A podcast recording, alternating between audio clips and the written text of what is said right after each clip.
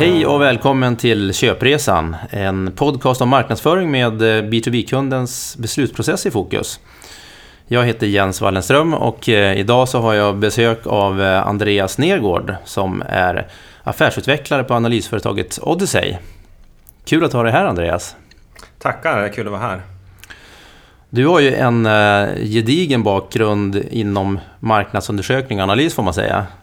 Eh, kan inte du berätta lite mer om dig själv, vad, din bakgrund och vad du gör för någonting idag? Exakt, jag har jobbat eh, ungefär 20 år med marknadsanalys i största allmänhet. Eh, och då bland annat på lite större globala konsultföretag. Eh, och i marknadsundersökningssammanhang så jobbar vi mest med primär researchdata, det vill säga intervjudata. Just det. Eh, och vi märkte att den datan räcker egentligen inte för att Eh, besvara de frågeställningarna som företagen har idag. Så vi, vi har eh, startat upp ett bolag som heter Odyssey där egentligen huvudfokus är att eh, integrera den data som företagen själva sitter på, det vill säga CRM-data, transaktionsdata, webbeteendedata, alla typer av customer footprints med researchdata och intervjudata för att utifrån det då egentligen skapa bättre strategiska analysmodeller och även kunna använda det som bas för ett till ett Eh, marknadsföring och marketing automation. Ja. Och eh, jag vet att ni har utvecklat ett eh, helt nytt verktyg också som ni kallar för Kogai. Precis. Utmaningen egentligen som många företag har det är det att Eh, all data från alla funktioner sitter i princip i silos. Eh, och det är ett arv från, från det sätt vi har eh, liksom organiserat våra företag i olika funktioner. Så att med Cogeye så kan vi då integrera datan från alla datakällor och alla funktioner på företaget så att vi på ett enkelt sätt då kan titta på en kund, säger vi, på 1 till 1 nivå med data från alla olika perspektiv på kunden. En slags 360-vy av, av eh, kunden. Coolt! Ja, du och jag, vi hade ju för några veckor sedan så hade vi ett eh, jätteintressant samtal om eh, eh business to business-kunders beslutsprocess. Lite det som vi kallar för eh, köpresan. Eh, och eh, lite grann om hur synen på köpresan har förändrats under de senaste decennierna. och vi pratade bland annat om Eh, Janne Karlsson, före detta SAS-chefen, som ju myntade begreppet “moments of truth” någon gång på eh, 80-talet. Eh, han skriver den här boken Riv pyramiderna. Och, eh, eh, på engelska så heter ju den Moments of Truth. Och eh, då handlar det om alla kundinteraktioner och att ja, men alla kundinteraktioner räknas för att eller bidrar till kundens upplevelse.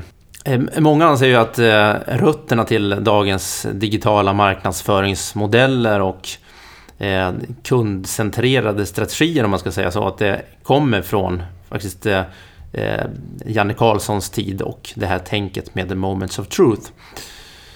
Och det har ju byggts på med ett gäng andra termer och buzzwords får man väl säga sedan den tiden.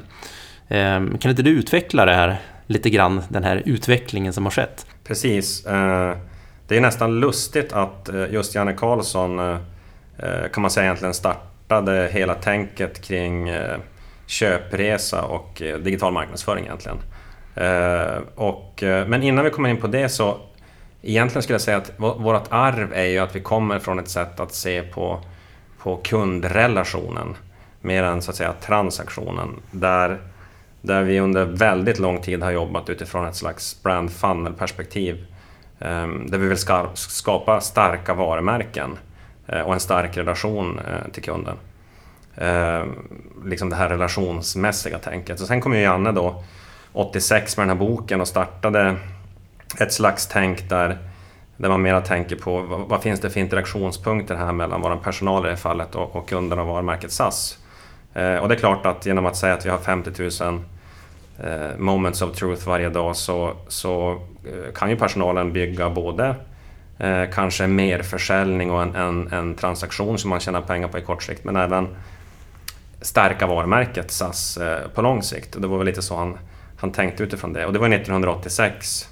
Det var ju någonstans där eh, tycker jag allting startade. Eh, sen hände det inte så mycket på ganska lång tid men just att ha perspektivet hur kan vi då fånga och påverka kunden på vägen mot ett eh, köp. Ehm, sen när man spolar fram några år, 2005 någonstans, då kom ju Procter Gamble med en, en utveckling av Jannes modell. Det var väl egentligen den första modellen fast någonstans ligger Janne Karlsson kvar i botten.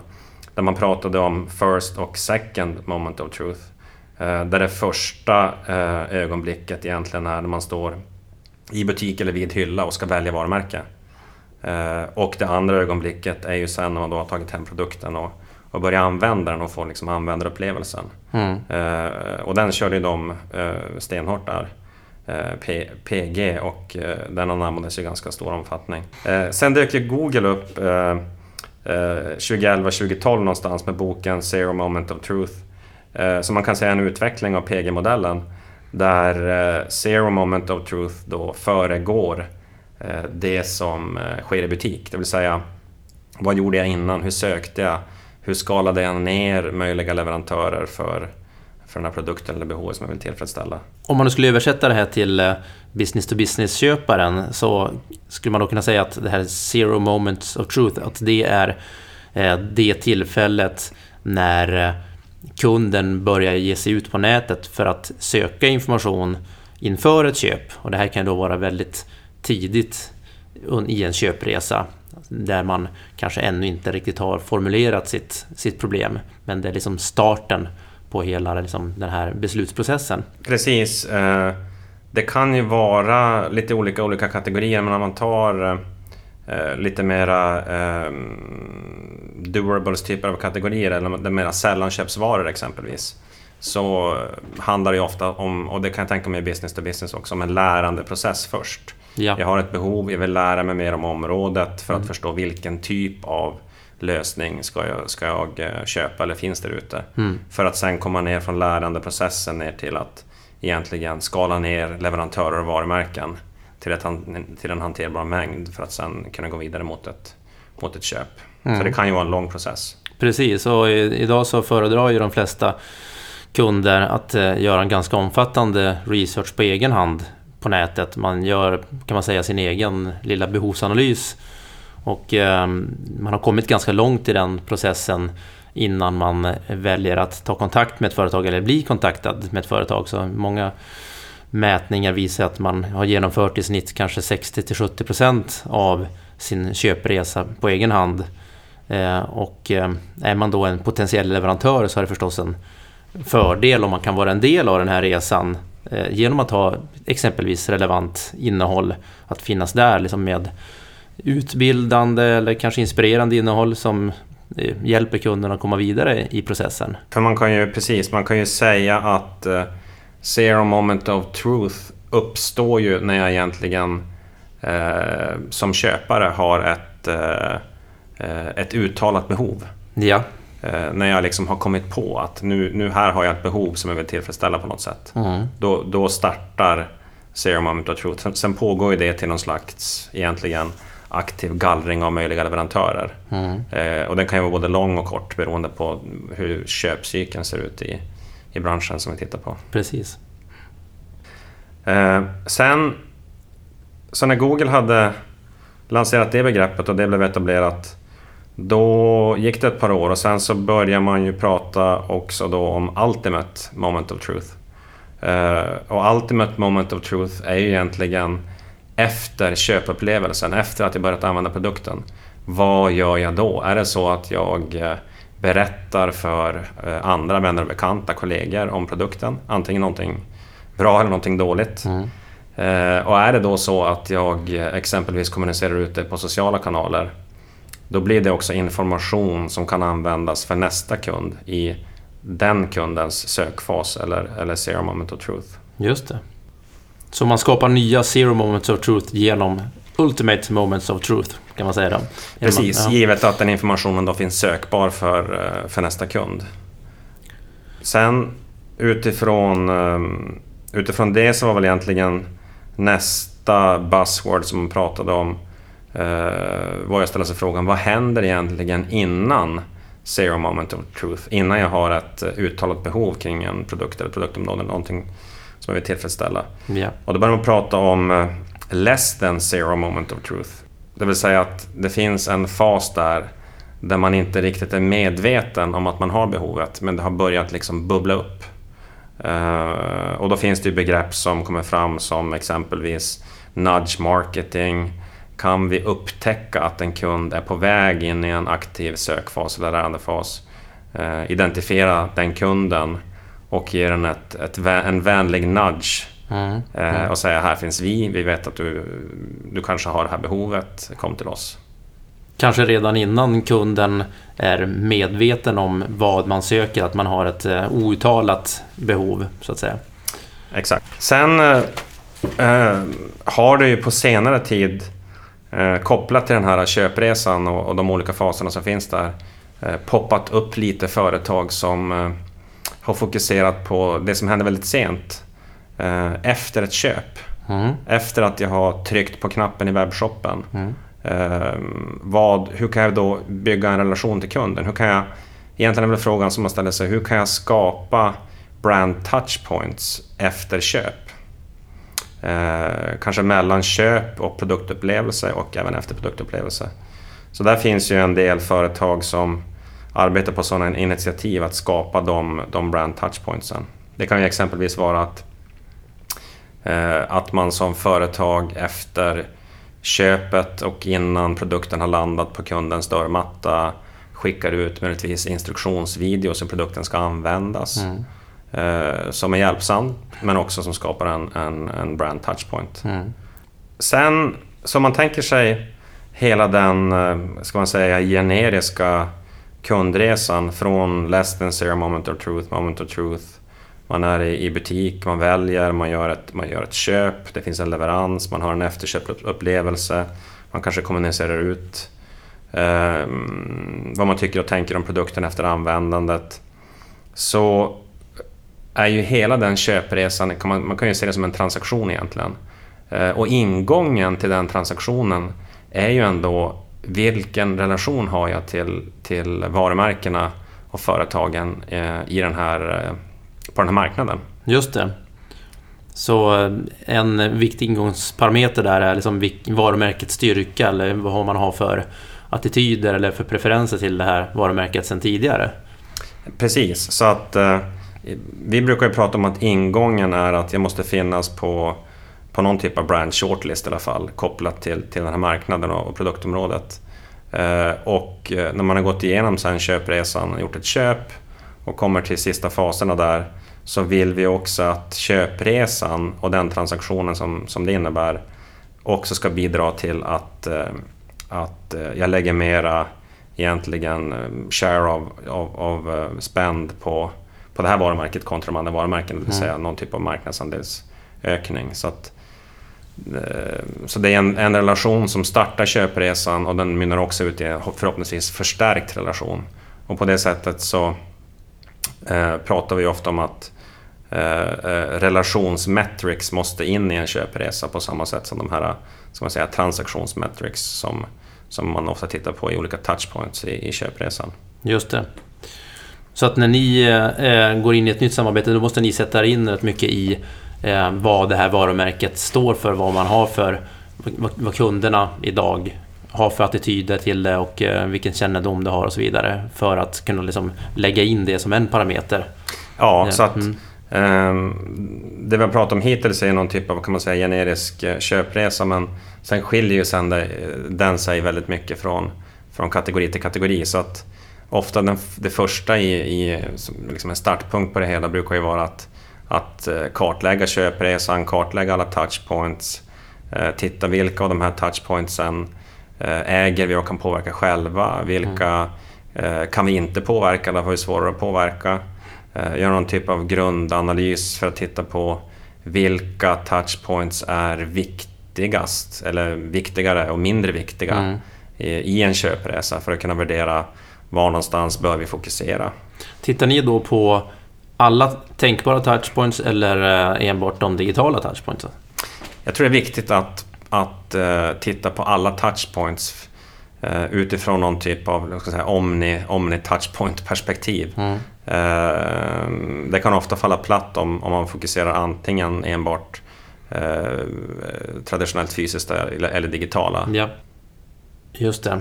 Eh, du nämnde här eh, om att man bör finnas med på kundens eh, shortlist som en tänkbar leverantör eh, för att komma igång. Men jag tänker att det finns ju många företag som eh, är mer eller mindre eh, okända, eller åtminstone som har en lägre kännedomsgrad. Så där. Hur tycker du att man ska jobba då?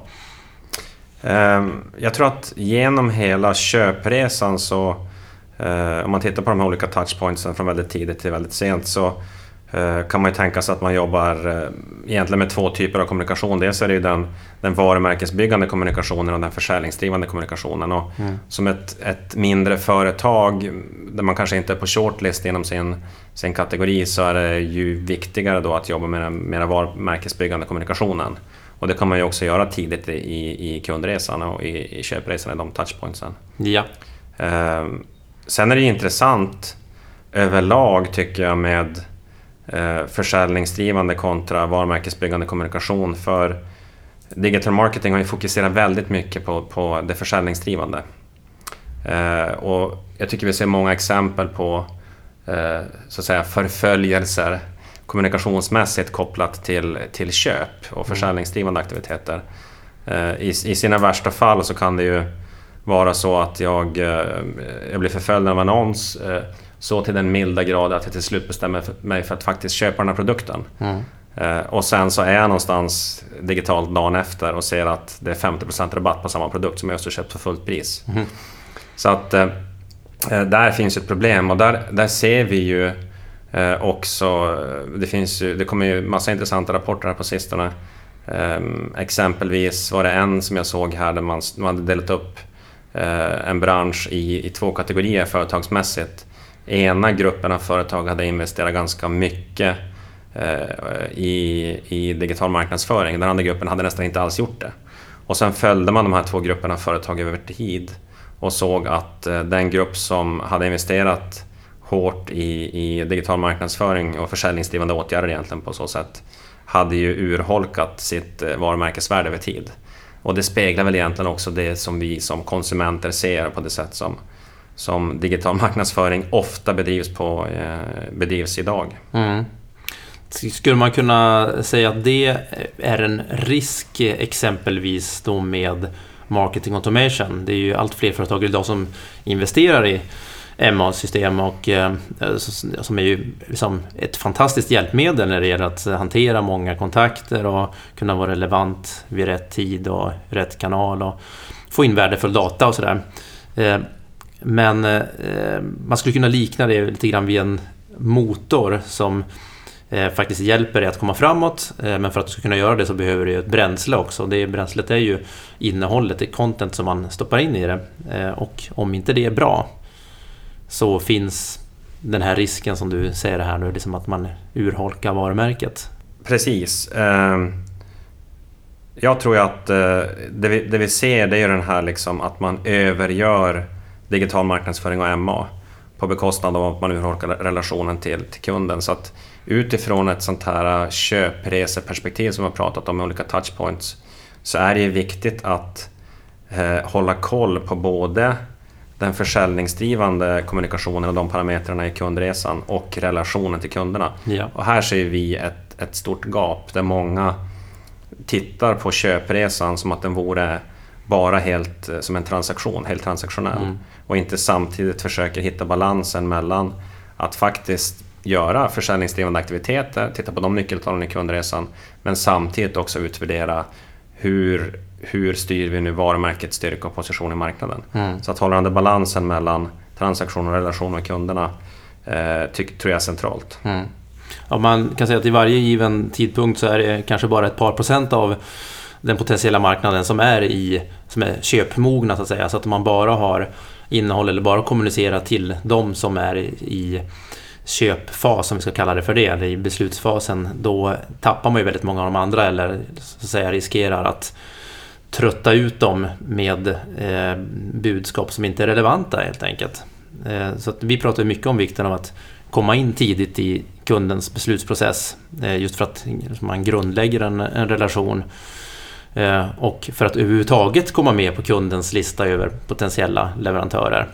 Eh, bland annat så finns det en undersökning som, som Forrester gjorde för några år sedan som visar att företag som eh, kan hjälpa potentiella kunder med relevant innehåll tidigt i köpresan. De hade dubbelt så stor chans att i slutändan vinna affären jämfört med de som inte var med tidigt. Så att säga. Och jag tror också att eh Eh, i takten att MA-systemen blir bättre, enklare att använda, går att liksom optimera så blir man lite förblindad av systemens möjligheter till, eh, till ett-till-ett kommunikation och, och liksom driva upp försäljningen. Eh, på, lite grann på bekostnad av att, att titta på längre sikt och, och även den, den långsiktiga intjäningen genom, genom varumärket och, och, och positionen i marknaden. Mm. Och så är det ju ofta när det kommer ny teknik att det blir, till att börja med så blir det väldigt mycket fokus på tekniken och eh, det är ganska mycket dimridåer i början eftersom det är helt nytt och sen vartefter den här dimman börjar skingras så kommer man tillbaka till Eh, kunden i fokus och eh, budskapet och innehållet. Sådär. Mm. Så för att komma in tidigt i kundens beslutsprocess så kan man eh, använda sig av prediktiv modellering och prediktiv analys. Jag vet att du brukar prata mycket om det, men för eh, mig och många andra så kan det låta lite grann som mambo jambo. kan, kan du utveckla det här lite grann, vad det innebär? Ja, eh, någonstans så ofta är målsättningen hur kan vi fånga och eh, påverka kunderna tidigt i köpresan. Mm. Eh, och eh, det finns ju lite olika sätt att jobba där med, med liksom mer avancerad analys och prediktiv modellering. Ett sätt är ju att när vi tittar på kundresor och den typen av data så kan man ju då se exempelvis, vi har en viss touchpoint där, där kunderna möter företaget. Och eh, från den touchpointen så kan man kanske gå till tre, fyra andra. Mm. Eh, då kan man titta, hur brukar en normal kund bete sig? Eh, sen kan man ju också jobba med scoringmodeller för att titta på hur olika segment av kunder sannolikt kommer att bete sig vid det givna tillfället. Mm. Eh, och genom att veta det och fånga upp kunderna eh, i den touchpointen så kan man ju också skräddarsy kommunikation Eh, för de olika kundtyperna. Mm. Så på så sätt kan man ju lite grann styra kunderna i den riktning man vill ja. Genom kundresan och även väldigt tidigt i kundresan. Sen finns ju ett annat perspektiv kopplat till det också och det är ju att vi tittar mera på kundens karaktär i största allmänhet oavsett var den befinner sig i kundresan och relationen till kunden.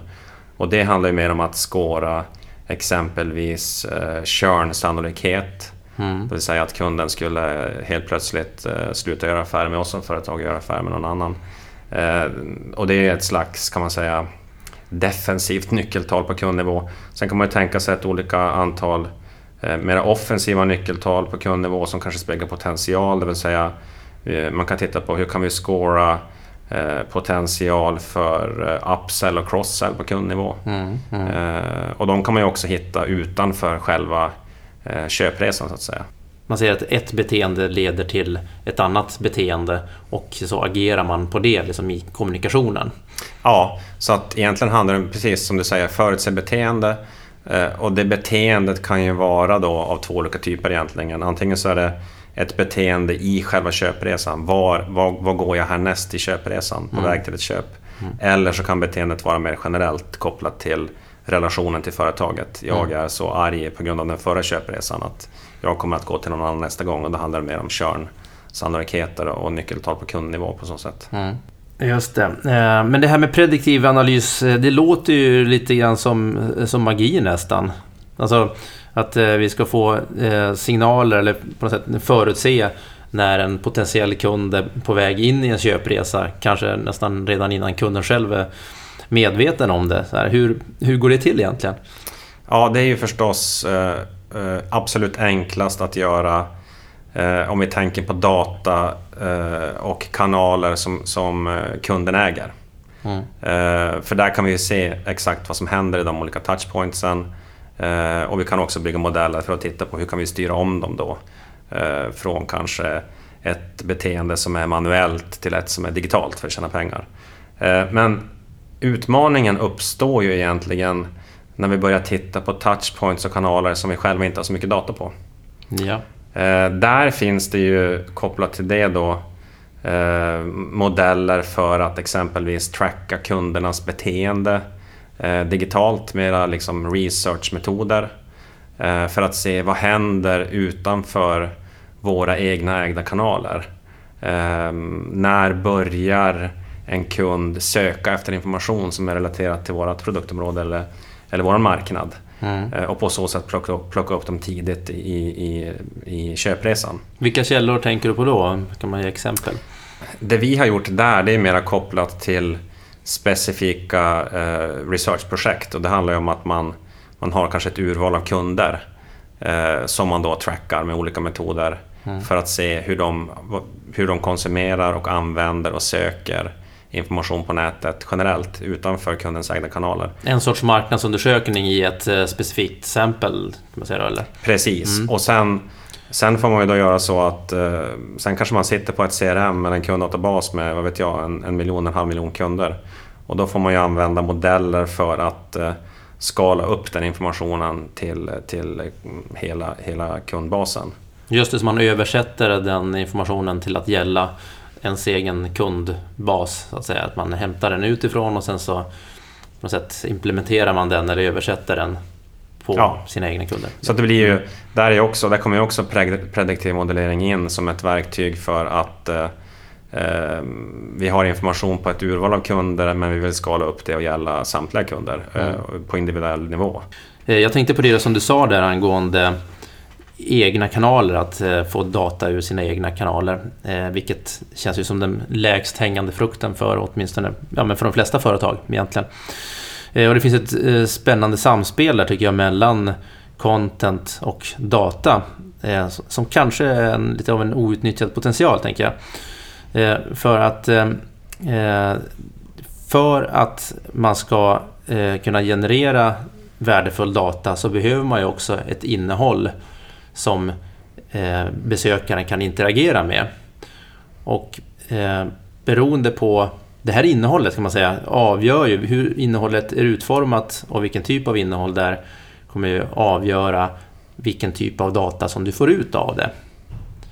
Har du några tankar om det? Ja, eh, precis. Vi brukar ju prata om eh, egentligen ett ekosystem av data eh, där eh, dels har vi ju den stora problematiken hos många företag och det är det att eh, för att kunna skapa nyckeltal kopplat till en hel kundresa och jobba effektivt med content så ligger data i silos. Mm. Så att där blir ju, det vi möter ofta det är ju att det finns ett behov av dataintegration. Eh, företag säger att de har data i en, i en data lake men det är ju oftast så att datan är ju inte integrerad på individuell kundnivå eller kantnivå. Mm. Så Steg ett är egentligen då integration av data på resan till att komma till någon typ av data lake där man har en 360-vy kring, eh, kring kunden. Eh, och i ekosystemtanken så finns ju också en himla massa feedbackdata. Så om jag går in på ett företags hemsida och tittar på olika produkter så genererar ju det också en massa så att säga, responsdata kring det content som finns där. Mm. Eh, och där kan man jobba mycket med AB-tester kring content och se vad blir det här för effekt på kundageranden. Och i och med att den datan och den responsen, beroende på hur jag går vidare från ett visst content och agerar på ett visst content, kommer tillbaka till, den här, till det här dataekosystemet. Mm. Så kan man ju också jobba med, med självlärande modeller och eh, maskinlärande modeller för att förändra kommunikation, upplägg, innehåll eh, med då syfte att, eh, att eh, få kunden ett steg närmare köp i köpresan. Just det. Därför är det också så viktigt med vilken typ av innehåll som man har. Att det finns innehåll som besökaren kan agera på. Att det finns tydliga call to actions som gör att man förflyttar besökaren vidare i köpresan. För om du har ett innehåll som du bara konsumerar passivt så får du, ja, så får du inte ut lika mycket data av det som om kunden verkligen har engagerat sig i det och agerat på det. Det stämmer ju och eh, där tror jag att det finns mycket att göra eh, med just kopplat till eh, automatisering och och automatiserad analys att titta på vilket content eller typ av content eller olika content driver olika call to action. Mm. Och att man då i ett så att säga, ekosystem av data med, med automation och maskinlärande kan få direkt feedback på vilket content som inte funkar eller att eh, modellen väljer det content som kunden ska se i precis den, den eh, fasen i köpresan per automatik. Och att den responsen då går tillbaka till systemet och på så sätt så blir ju eh, modellen självlärande och kan optimera sig själv över tid. Mm. Om vi, det här ekosystemet som du pratar om här då, om man konkretiserar det lite grann, vilka delar kan ett ekosystem bestå av. Så den datan som genereras från eh, företagets egna kanaler är ju en, eh, en del, så att säga. Normalt sett så börjar ju vi ofta bygga tanken kring CRM. -et, där vi, har, där vi har kunderna och kundföretagen på individnivå. Mm. Eh, och sen då börja på CRM koppla på Eh, transaktionerna, försäljningen, webbeteendedatan, eh, egentligen alla datakällor som är kopplat till transaktionerna kopplat, som egentligen kopplas till, till, till köpresan sen. Mm, mm. Där är ju oftast, om man har kommit så långt, det som saknas är ju marknadsperspektivet egentligen. Att titta på relationen till kunderna. Mm. Eh, att börja sy ihop det med de eh, researchprogram som finns kopplat till lojalitet, kopplat till varumärkets styrka, kopplat till även customer experience-mätningar där man får liksom den attitydmässiga responsen på, på touchpoints genom kundresan. Mm. Så det, det, är egentligen ett väldigt stort dataekosystem som, som täcker väldigt många silos som som eh, man behöver titta på. Hur långt har vi kommit i, ska man säga, generellt sett idag i Sverige bland företag att integrera data, skulle du säga? Generellt sett eh, eh, inte speciellt långt. Det finns ju exempel på eh, företag som eh, stora svenska internationella framgångsrika digitala företag som har byggt den här typen av ekosystem och använder den för i princip man kan säga realtidsprissättning till kunder på, på individnivå, mm, som ett mm. exempel. Ja. Men eh, generellt sett så, så finns det väldigt mycket att göra. Okej, så en utmaning som företag har idag generellt sett är ju helt klart att integrera den datan man har. Liksom att eh, få alla de här silosen att samspela eller kanske snarare komma bort ifrån det här silotänket. Eh, och då handlar det om den egna datan. Sen så finns det ju eh, massa annan data såklart som man kan använda sig av. Vad kan man nämna för typer av data som kan vara användbar som inte är den, så att säga, den egna datan? Ja, det är ju framförallt då som var inne på den egenproducerade datan som oftast inte är integrerad och det, det är ju steg ett. Och sen finns ju den datan som man då köper in eh, från andra leverantörer. Dels är det ju Eh, market research-data, eh, det kan vara kategoriförsäljningsdata för att få en hel marknadsbild. Det kan vara mm, konjunkturdata, trenddata, väderdata och så vidare som, som man kan integrera i, i ekosystemet. Mm. Sen finns det ju också möjligheten att eh, eh, titta på data tillsammans med eh, samarbetspartners Eh, kanske inom angränsande domäner finns det möjlighet för ett datautbyte där på individnivå. Men då kommer man ju också in på, på GDPR och eh, vad man får och bör och inte bör och får göra. Ja. Så det är viktigt att ta med sig. Mm. En sak som vi inte har kommit in på ännu, men som jag vet att ni jobbar en del med, det är ju simulering av olika skeenden i en köpprocess. Utifrån ett contentperspektiv eh, så eh, som vi då brukar jobba med, det handlar ju mer om att göra AB-tester när man ser, testar till exempel två olika budskap mot varandra. Men det finns ju också möjlighet att testa utan att gå ut skarpt, så att säga. Att göra en simulering av ett budskap. Hur, hur går det till?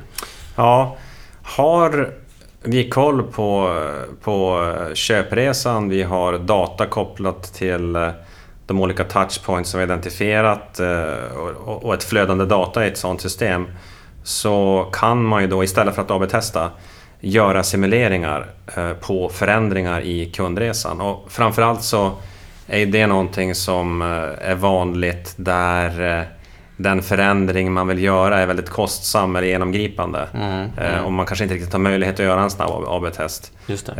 Och då kan vi ju antingen simulera en förändring i en touchpoint Eh, att vi förändrar antingen då content eller eh, den lilla process som är kopplad till kundhanteringen i just den touchpointen på något sätt. Och se vad blir det för, för effekt på conversion, vad blir det för effekt på, på synen på varumärket om vi gör på, på sätt A eller sätt B. Så man liksom har en scenarioplanering och en, ett what if-scenario mm. och kan räkna på det innan man gör själva, själva eh, förändringen. Just så det. antingen så kan man, det kan vara en förändring, en touchpoint. Det kan ju också vara att man vill lägga till eller ta bort en touchpoint mm. i kundresan. Ja, och se ja. vad skulle hända om vi skulle göra det här. Mm. I många fall tror jag när det gäller content så, få, så går det ju både kanske snabbare och enklare och billigare att göra en AB-test. Mm. Eh, mm. men är det så att eh, den förändring man vill göra är större Eh, och kräver liksom ombyggnation av en touchpoint på ett annat sätt, kanske rent fysiskt dessutom. Mm, mm. Så eh, är ju simulering ett oftast mer kostnadseffektivt sätt. Just det, det är som du säger att man kan simulera att man tar bort en touchpoint och det kan ju vara eh, någonting som har med, alltså det kan ju vara innehåll av något slag som man tar bort och eh, då kanske ersätter, ersätter med någonting annat. Det skulle kunna vara ett sätt att eh, skulle kunna vara en möjlig simulering. Ja. Okej, men att jobba datadrivet i sin marknadsföring det är ju en av de största prioriteterna får man säga som eh, marknadsavdelningarna har idag. Också en av de största utmaningarna för det är ju en, en, för många en ganska stor omställningsprocess som tar lång tid.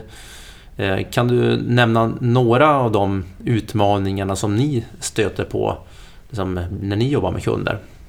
Um, Ja, jag tänker ju kanske spontant på eh, om vi tar business to consumer-sektorn och kanske då säg retail eh, specifikt. Eh, eh, där det finns så väldigt mycket customer footprint-data som, så, som man kan utnyttja och som företagen inte utnyttjar. Och där är ju egentligen det första steget att börja integrera data och titta på kan vi skapa en, en single customer view av, av kunden och, och börja jobba på så sätt. Eh, däremot om man tar business to business finns ju lite andra utmaningar. Eh, på business to business-sidan så är det oftast en säljkår som frontar kund. Det vill säga det blir inte naturligt eh, lika mycket eller likadana digitala footprints i den, i den säljinteraktionen och kundinteraktionen utan det är ofta upp till säljarna att eh, manuellt fylla i CRM-systemet. Mm. så där märker vi att en första utmaning är ju att titta på compliance kring det och, och egentligen få bra data i CRM. -et. Handlar det om, helt enkelt om att utbilda säljarna eh, i att bli bättre på att eh, fylla i eh, sin, rätt data eller rätt uppgifter i CRM? -et? Jag tror det handlar om att eh, egentligen skapa processer som gör att det blir ett naturligt arbetssätt för säljarna att logga den data som behövs och även att utbilda och visa på att eh, om jag loggar den här datan eh, då kan jag eh, som individuell säljare då eh, med en sån här, ett sånt här ekosystemtänk och, och eh, automatisering och prediktion också få tillbaka feedback från mm. systemet som hjälper mig att på daglig basis prioritera vilka kunder jag ska gå till med vilket budskap. Just det, så att man måste visa på att det, det här det, blir, det är ett jobb som säljarna måste göra men man måste också då såklart visa på att man får någonting tillbaka, att man underlättar i säljarnas vardag. Ja, så att egentligen att eh, som säljare så ska jag uppleva att nyttan jag får av det här systemet och den information jag får på ett mm. enkelt sätt ska vara större än uppoffringen egentligen. Att, eh, att hjälpa till att underhålla systemet och skapa bra data. Ja, ja det känns ju logiskt. Men om man ska då göra ett försök att knyta ihop säcken här och eh, eh, gå tillbaka och eh, referera till det vi pratade om i början där med Moments of Truth som Janne Karlsson myntade där så kan man ju säga att eh, det har hänt eh, väldigt mycket på den eh, sen, sen han myntade det begreppet vad det gäller köpresan. Den är ju betydligt mer fragmenterad idag. och det finns många fler touchpoints att ta hänsyn till. Och eh, just därför så blir det här holistiska perspektivet, att få ihop datan, att integrera den, blir eh, lite grann av en, av en nyckel i det hela. Tycker jag är en eh, sak att ta med sig från det här. Ja, jag tror också... Eh, det vi ser är ju att eh, företag investerar ju i mer och mer system eh, kopplat egentligen till de plattformar och, eh, och eh, ställen där kunden väljer att möta företagen. Mm. Och i takt med att man investerar i de systemen så investerar man ju också samtidigt i nya datasilos. Mm. De blir fler och fler. Så ett nyckelord tycker jag, det är ju faktiskt integration. Dels på steg ett då, integration av data kopplat till kunden och få det holistiska perspektivet. Eh, I steg två att på den integrerade datan också integrera sin köpresemodell Eh, och, och skapa de både transaktionsmässiga och relationsmässiga nyckeltalen som är relevanta för oss. Eh, och som en konsekvens av, av den integrationen så blir nästa steg då att titta på hur måste vi då integrera vår sälj och marknadsföring och eh, på det sätt vi organiserar arbetet internt. Mm, mm. Okej, det börjar bli dags att runda av. Eh, stort tack för att du tog dig tid att komma hit och dela med dig av din kunskap, Andreas. Hoppas att du som eh, har lyssnat också har fått med dig användbara insikter. Och om du går in på leadcontent.se så kommer vi också att Eh, länka till en eh, del som vi pratar om här, bland annat eh, det som vi inledningsvis pratar om här Moments of Truth och utvecklingen av tänket kring köpresan. Eh, om du gillar det här avsnittet så gå gärna in på iTunes och eh, ge oss ett betyg. Det var allt för idag och tack för att du lyssnade och ha en fortsatt fin dag.